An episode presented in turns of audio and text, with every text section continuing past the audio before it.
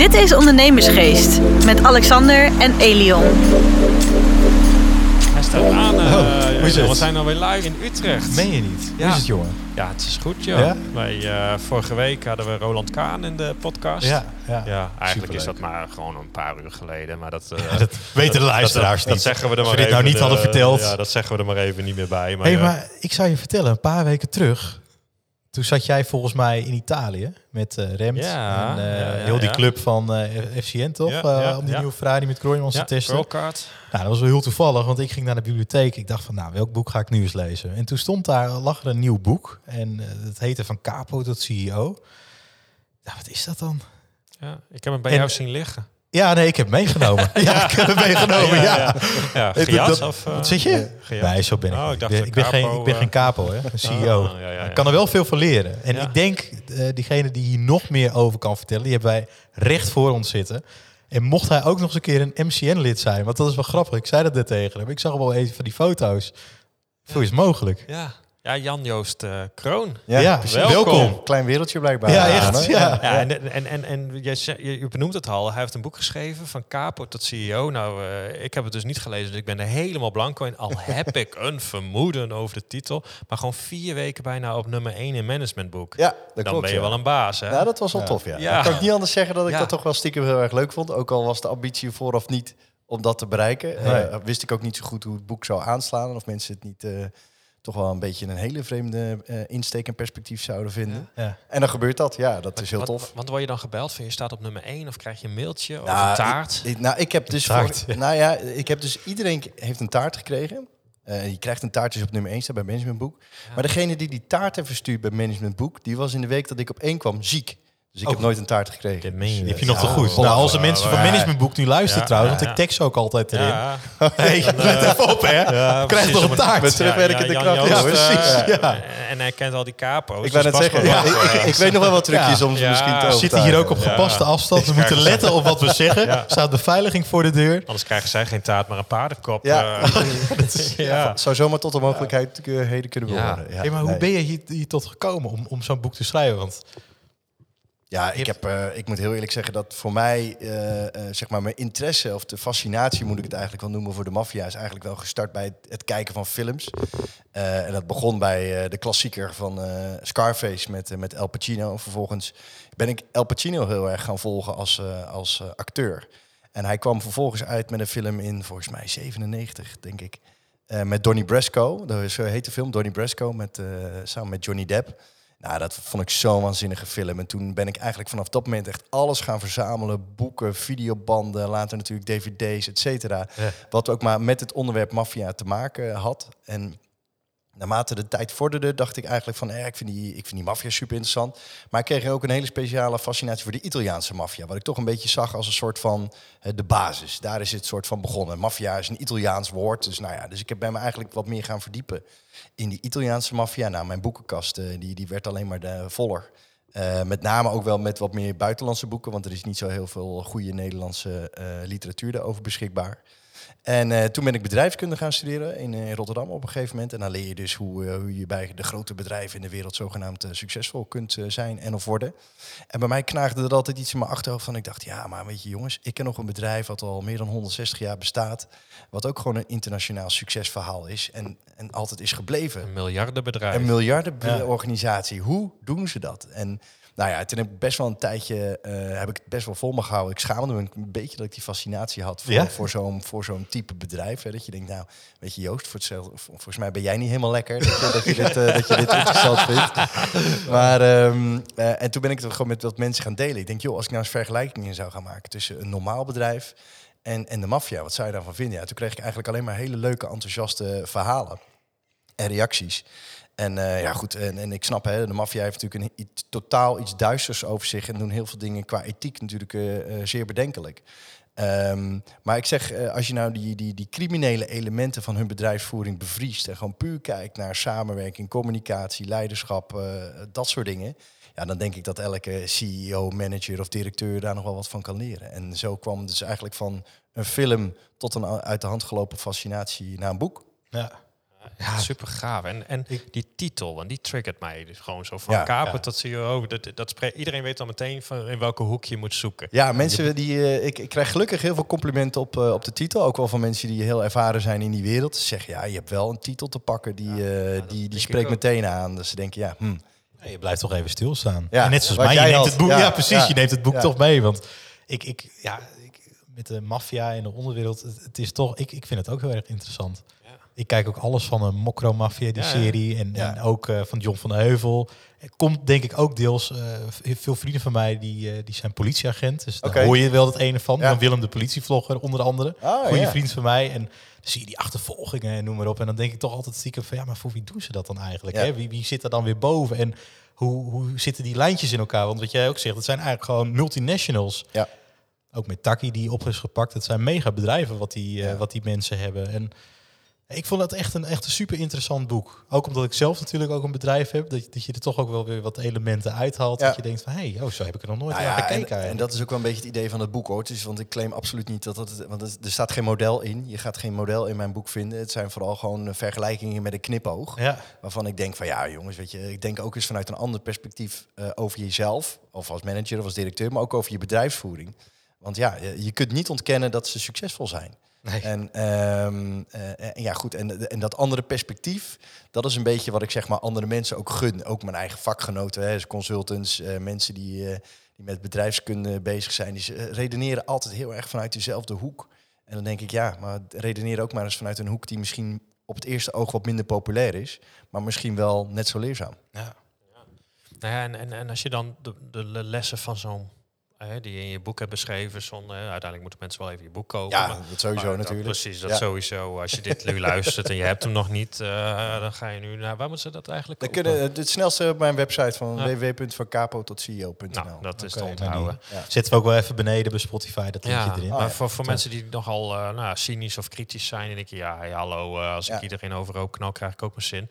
Maar wat zijn dan bijvoorbeeld de lessen dat je zegt van, nou, dat... eh, Nou ja, kijk, want ja, ik, dat- als mensen dat zeggen, dan zal ik altijd zeggen, ja, want dat doet de maffia ook. Hè, dus ik ga dat op geen enkele manier ook maar ontkennen.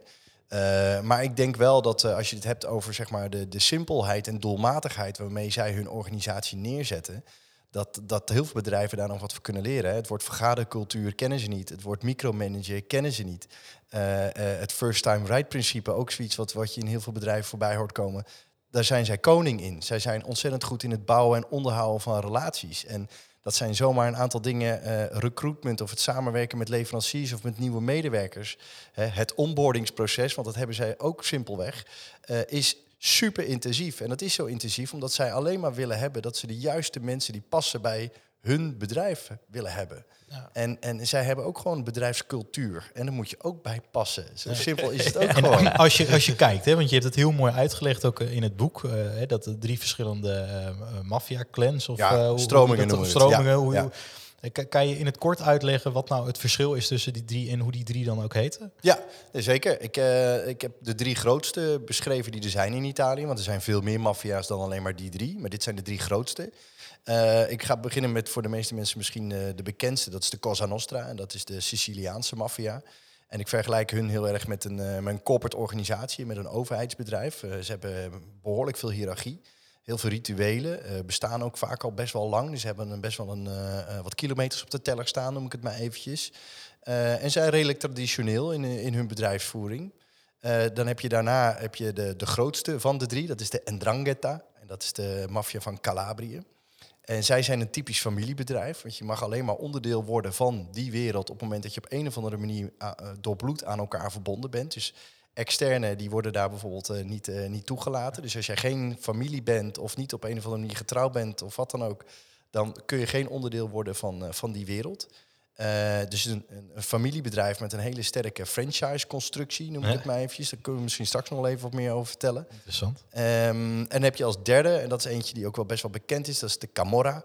En die komt uit Napels, nou eigenlijk uit Campanië, is de provincie. En Napels als, eigenlijk als belangrijkste stad.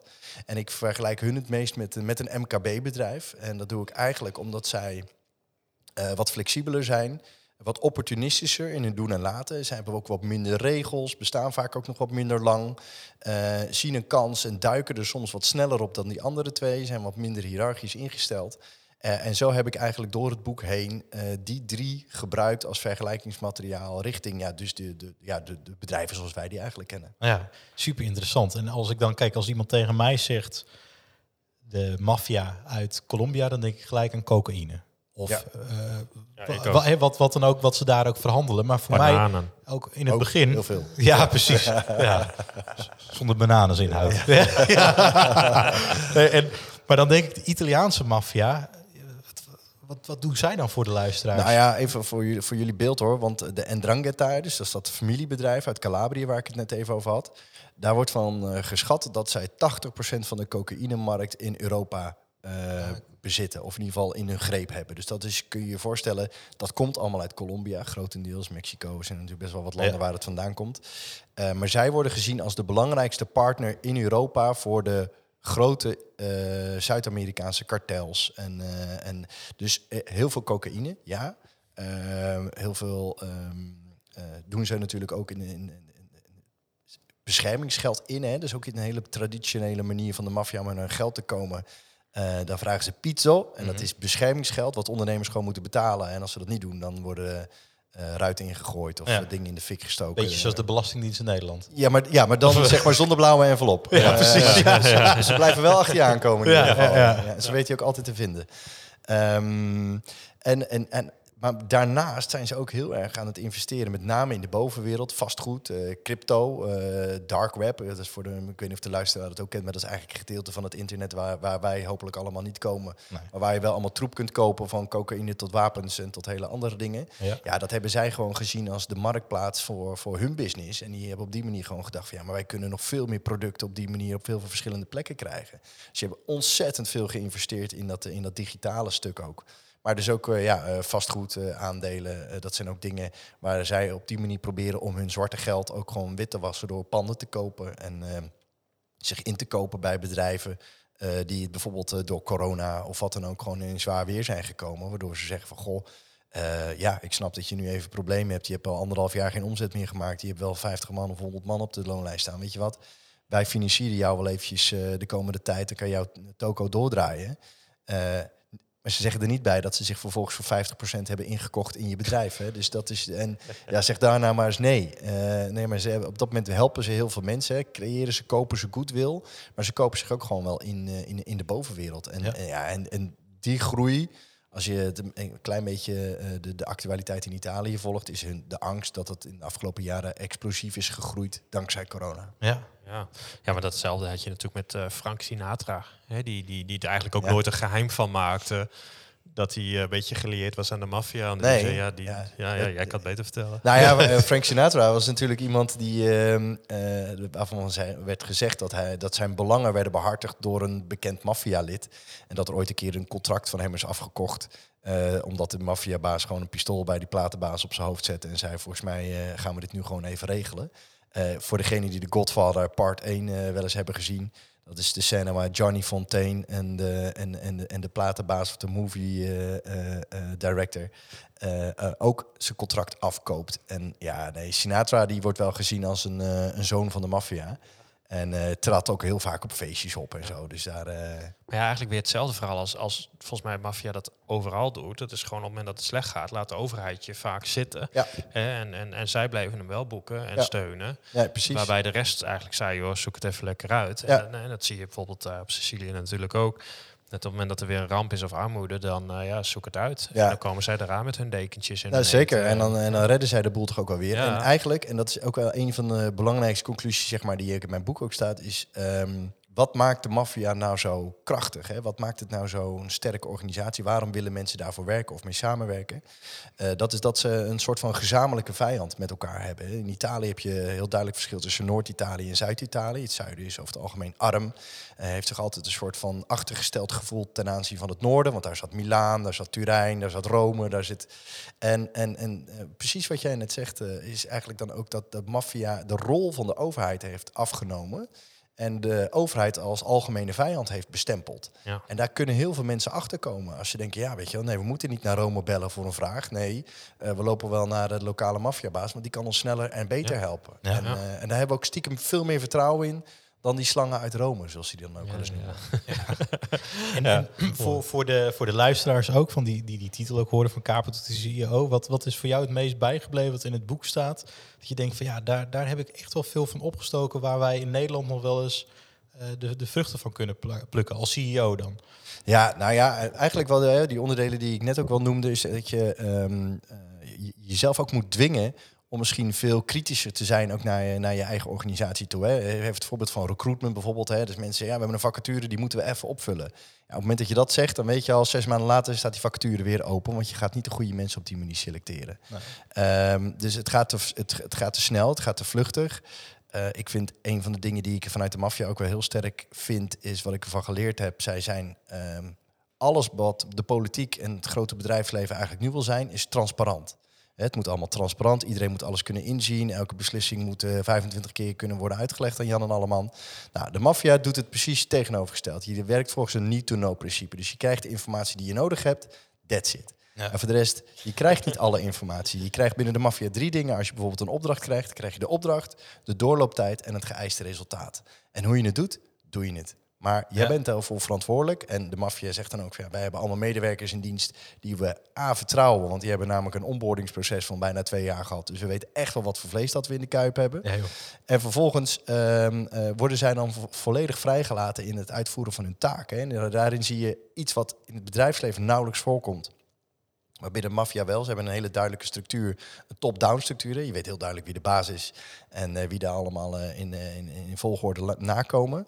Ehm, dus dat is, dat is heel erg hiërarchisch. Maar daarnaast zijn de mensen die er zelf werken heel zelfsturend. Dus ze mogen heel erg op een eigen manier, vanuit hun eigen expertise, hun werkzaamheden uitvoeren. En worden daarbij dus ook vrijgelaten door zo'n capo, of in dit geval zou de CEO dat misschien ook moeten doen, om gewoon zelf eh, eh, het vertrouwen te geven aan die mensen om die dingen ook te doen. En ja, dat, dat, dat mechanisme werkt bij hun perfect. En krijgen ze dan ook een salarisstrook? Ja, nee, nee, nee. Zelfs geen contract hoor ik. Nee, nee, geen Dus contract. dat is, ja. nee, er is totaal geen papieren stroom over. Maar er zijn wel, en dat is dan wel grappig hoor, want door de jaren heen. Eh, want in principe mogen ze niks op papier zetten. Alles, eh, alles moet of verbrand worden als er al iets op papier staat. Maar er zijn nog wel eens wat eh, salarishuizen gevonden. Noem ik het maar eventjes. Want de maffia Ja. kent ook gewoon een hiërarchie met... ja, je komt net kijken, je hebt nul jaar ervaring... dan is dit je instapsalaris. Eh, en dus, eh, dat hebben ze dus ook. En naarmate de tijd vordert, dus leeftijd en senioriteit en je wapenfeiten, dus hoe belangrijk je eigenlijk bent voor de organisatie, daarmee groeit ook je inkomen. Ja. En eh, ja, de ene kent dus gewoon een salarishuis en de andere krijgt gewoon willekeurig een percentage van de omzet van die maand. Ja, want ik- wat, wat ik me dan afvraag, hoe groot is zo'n organisatie? Je had het over dat familiebedrijf. Ja. Dan denk ik, nou ja, dan heb je, als je een bloedlijn moet hebben, dan ben je volgens mij vrij snel klaar. Maar ja, als je dan toch 80% van de drugshandel of cocaïnehandel, Ja. dan volgens mij hebben we het dan niet meer over 10 of 20 mensen. Nee, nee, dan heb je het, Nee. eh, je hebt het dan echt over duizenden medewerkers. hè, daarom. dus even, maar dan moet ik het echt even uit mijn hoofd doen, dat weet ik niet precies meer. Maar ik denk dat eh, de Ndrangheta bijvoorbeeld iets van 5000 leden heeft. Ja, Eh, vertakt over heel de wereld. Hè? Dus, Ja. eh, eh, maar ook iemand in de derde graad van iemands Ja, familielijn kan ook Ja, familie zijn. zo. Hè? Dus zo Ja, werkt ja, het ook ja. alweer. Eh, maar even voor jullie beeld, de schattingen voor, van de omzet van de Ndrangheta is rond de 80 miljard euro. Zo. Ehm, Ja, dat is serieus. Dat, halen wij ja, bij eh, nee. Eva nog niet, hè? Nee. jullie zitten wel op de koers natuurlijk. Ja, we maar, zijn, onder, we zijn onderweg. ja, ja. Nee, dus dat zijn mega bedragen. Ja. Die drie bij elkaar. Eh, dus de, de, de Camorra, de Cosa Nostra en de Andrangheta, die, die zetten net zoveel om als eh, Nike, Ikea en, eh, en Audi bij elkaar Ja, opgeteld. ongelooflijk, hè? We hadden het er al kort net al eventjes over toen de microfoon nog niet aanstond. Maar onder andere Willem Holleder, die zocht op een gegeven moment toch ook wel de media op. Nou, als je, als je dat, die personen vergelijkt met, met de Italiaanse maffia, dan zijn het misschien kruimeldiefjes.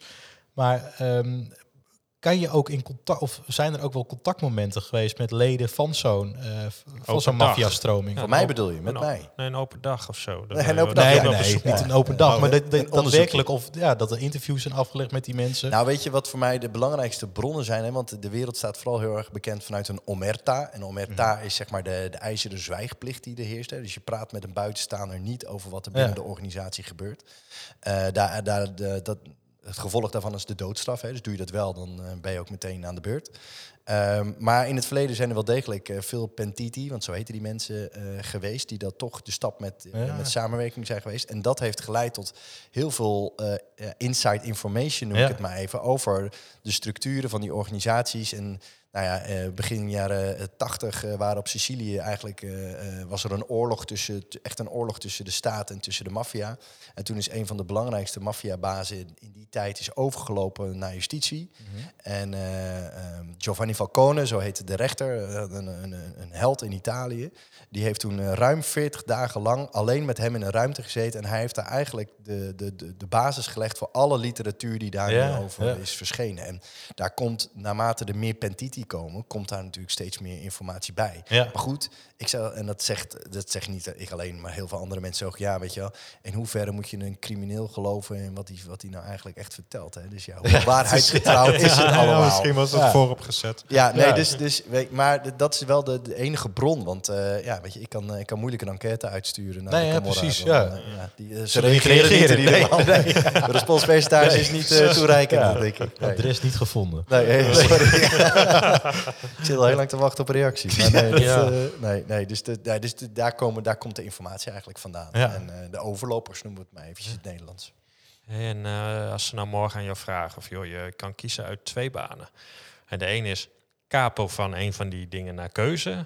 Of Toch de CEO, CEO. van Ja, een bedrijf naar Ik, keuze. ik Wat zou, kies je? Nou, ik zou absoluut voor de CEO kiezen. ja, dat Eh, moet je eh, zeggen. Of dat nee, vind je het-. Nou weet je, ik moet heel eerlijk zeggen, dat ik, want ik krijg wel eens de vraag van, zou je wel eens een dagje mee willen kijken? En ja, ja dan zou oh ik ja, wel eens dat een dagje ik mee willen willen. kijken. Maar Ja, ik weet, niet? ik weet ook wat, wat, wat de verschrikkelijke kanten van zo'n organisatie zijn. En als je er eenmaal zeg maar een vinger hebt gegeven, Ja, dat ze echt alles van je pakken. Ja. En eh, het, het, het leven is eh, angstig. Je moet ook een bepaalde beperking in je, in je moraliteit hebben. Dus je moet ook dingen, zeg maar, gewoon als iemand vermoorden, moet je kunnen.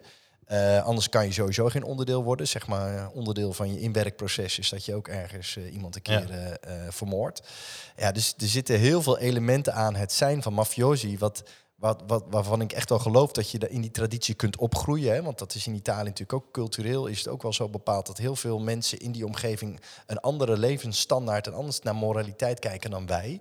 Ehm, maar nee, ik zou, het, eh, ik zou het vanuit mijn eigen ehm, eh, gevoel allemaal echt niet kunnen. En niet kunnen verdragen. En niet mee overweg kunnen gaan. En die mannen die zijn eh, in principe altijd op de vlucht. Is het niet voor de politie, is het wel voor een concurrent. Is het, het is best wel een angstig eh, bestaan. Althans, dat denk ik. Maar dat zijn wel van die dingen, dat zou je wel eens willen weten van iemand. Ja. Maar, eh, Ja, maar ik blijf er liever ver vandaan dan... eh, Ja. Ik kies toch voor de CEO-rol dan maar. Ja, ja. ik denk dat ik dat ook maar doe. ja. Ik, ik kies ook jullie pad. Hey, en, want tegenwoordig, je vertelde net ook dat je ook wel voor, voor gro- grote groepen spreekt. Ja. Waar, waar heb je het dan zoals over? Nou ja, eigenlijk, want heel veel mensen willen dan ook wel weten van, joh, wat...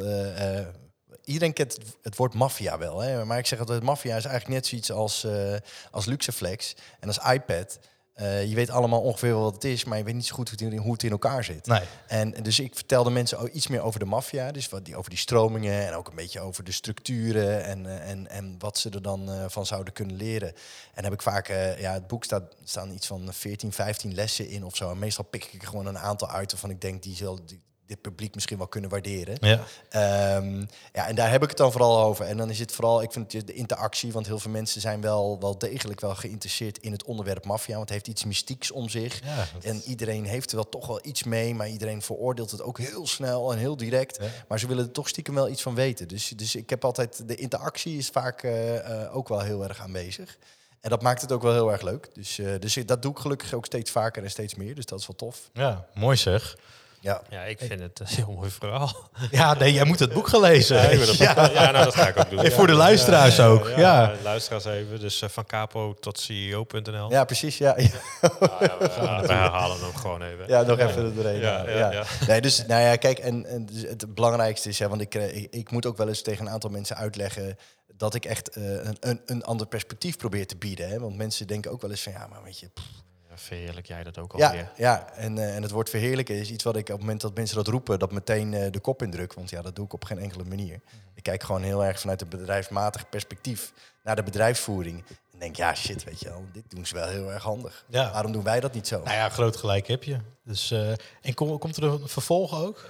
Ja, wou dat ja, net? ja, Ja, dat- ja, ik heb het. jij moet eerst dat eerste boek lezen. Is er- ja, precies. Dan komt het Nee, vervolg. ja. Ik denk wel, ik, ja, ik weet bijna wel zeker dat er een vervolg komt. En het vervolg zal, denk ik, eh, ehm, eh, wat, wat praktischer zijn. Want het is nu wel, het is nu ook best wel wat uitleg over de maffia. En ik heb ook bijvoorbeeld een heel, ja, vind ik zelf een heel tof hoofdstuk erin zitten. En dat gaat over de infiltratie tussen de maffia en, eh, en de overheid en de geheime diensten Ja. en de kerk. En, en, en ook gewoon even om te laten zien hoe dat helemaal in elkaar verweven zit, die, die, die maatschappij. En, ehm, maar ze hebben ook wel gewoon hele praktische elementen die, die je binnen de maffia eh, kunt leren. Hè. Even één klein voorbeeldje dan hoor. Ehm, binnen de maffia, als er een probleem is tussen een paar mensen, dan, eh, eh, en dat wordt niet opgelost of het blijft een beetje etteren, dan worden die twee mensen die worden dan uitgenodigd bij, eh, bij de baas. Die gaan met z'n drieën in een kamer zitten. En daar wordt het probleem besproken. En dan wordt het probleem ook meteen opgelost. En als ze naar buiten lopen, dan wordt er nooit meer over gesproken. En wordt het nagehandeld zoals ze daar hebben afgesproken. Ja. En, en dat vind ik gewoon heel effectief. Door gewoon te zeggen, oké, we gaan niet meer lopen janken na afloop. De beslissing is genomen, dit is het. En zo gaan we het doen. Nou ja, en dat gun ik best wel veel bedrijven. Want die kunnen oeverloos ouwe hoeren over allerlei problemen. wat Ja, nee, zeker. En alle Ja. belangen die daarbij horen. Ja. Maar volgens mij kunnen ze daar ook wat compacter mee over weggaan. En eh, daar nog iets van leren. Dus Nou, ik, Ik vond heb het echt een hele mooie tip. ik heb een schaduwlijstje eh, thuis, wat ik, eh, wat ik bijhoud. En ik denk van, nou, dit is wel tof om daar nog eens Ja. een vervolg over te schrijven. Maar eerst, eerst deze nog maar eens even Ja. verder doorpakken. Nee, Nou, super. super. Ontzettend mooi verhaal. Ja, zeker. Alexander, jij, de boekhandel zit hier tegenover. Ga er straks nog even langs. Voor hem. Ik loop wel even mee. Ja, nee, geweldig joh. Eh, hartstikke mooi verhaal. En tot, tot slot eh, nog, een, nog een ondernemerstip. eh, die je zegt, nou die moet je toch wel even... tussen- Nou ja, wat ik, wat ik zeg maar... je Het, hebt al heel veel gegeven. Bij de transparantie, dat vind ik wel een dingetje. Want ik denk, jongens, stop nou eigenlijk met alles maar met iedereen delen. Het klinkt allemaal heel populair en, en heel erg inclusief en dat soort dingen allemaal. Maar overdrijf het ook niet, alsjeblieft. Want het Nou, kan ook wel eens een keer genoeg zijn. Nou, van helemaal mee eens. tot CEO, CEO Goed uitspreken. Jan Joost. Is goed. Ja. Hey, dankjewel. bedankt. Ja, bedankt jongens. Is goed. Hartstikke En, leuk. eh, Yes, tot volgende week. eh, weer bedankt voor het luisteren. En eh, tot volgende week woensdag. Dit was Ondernemersgeest.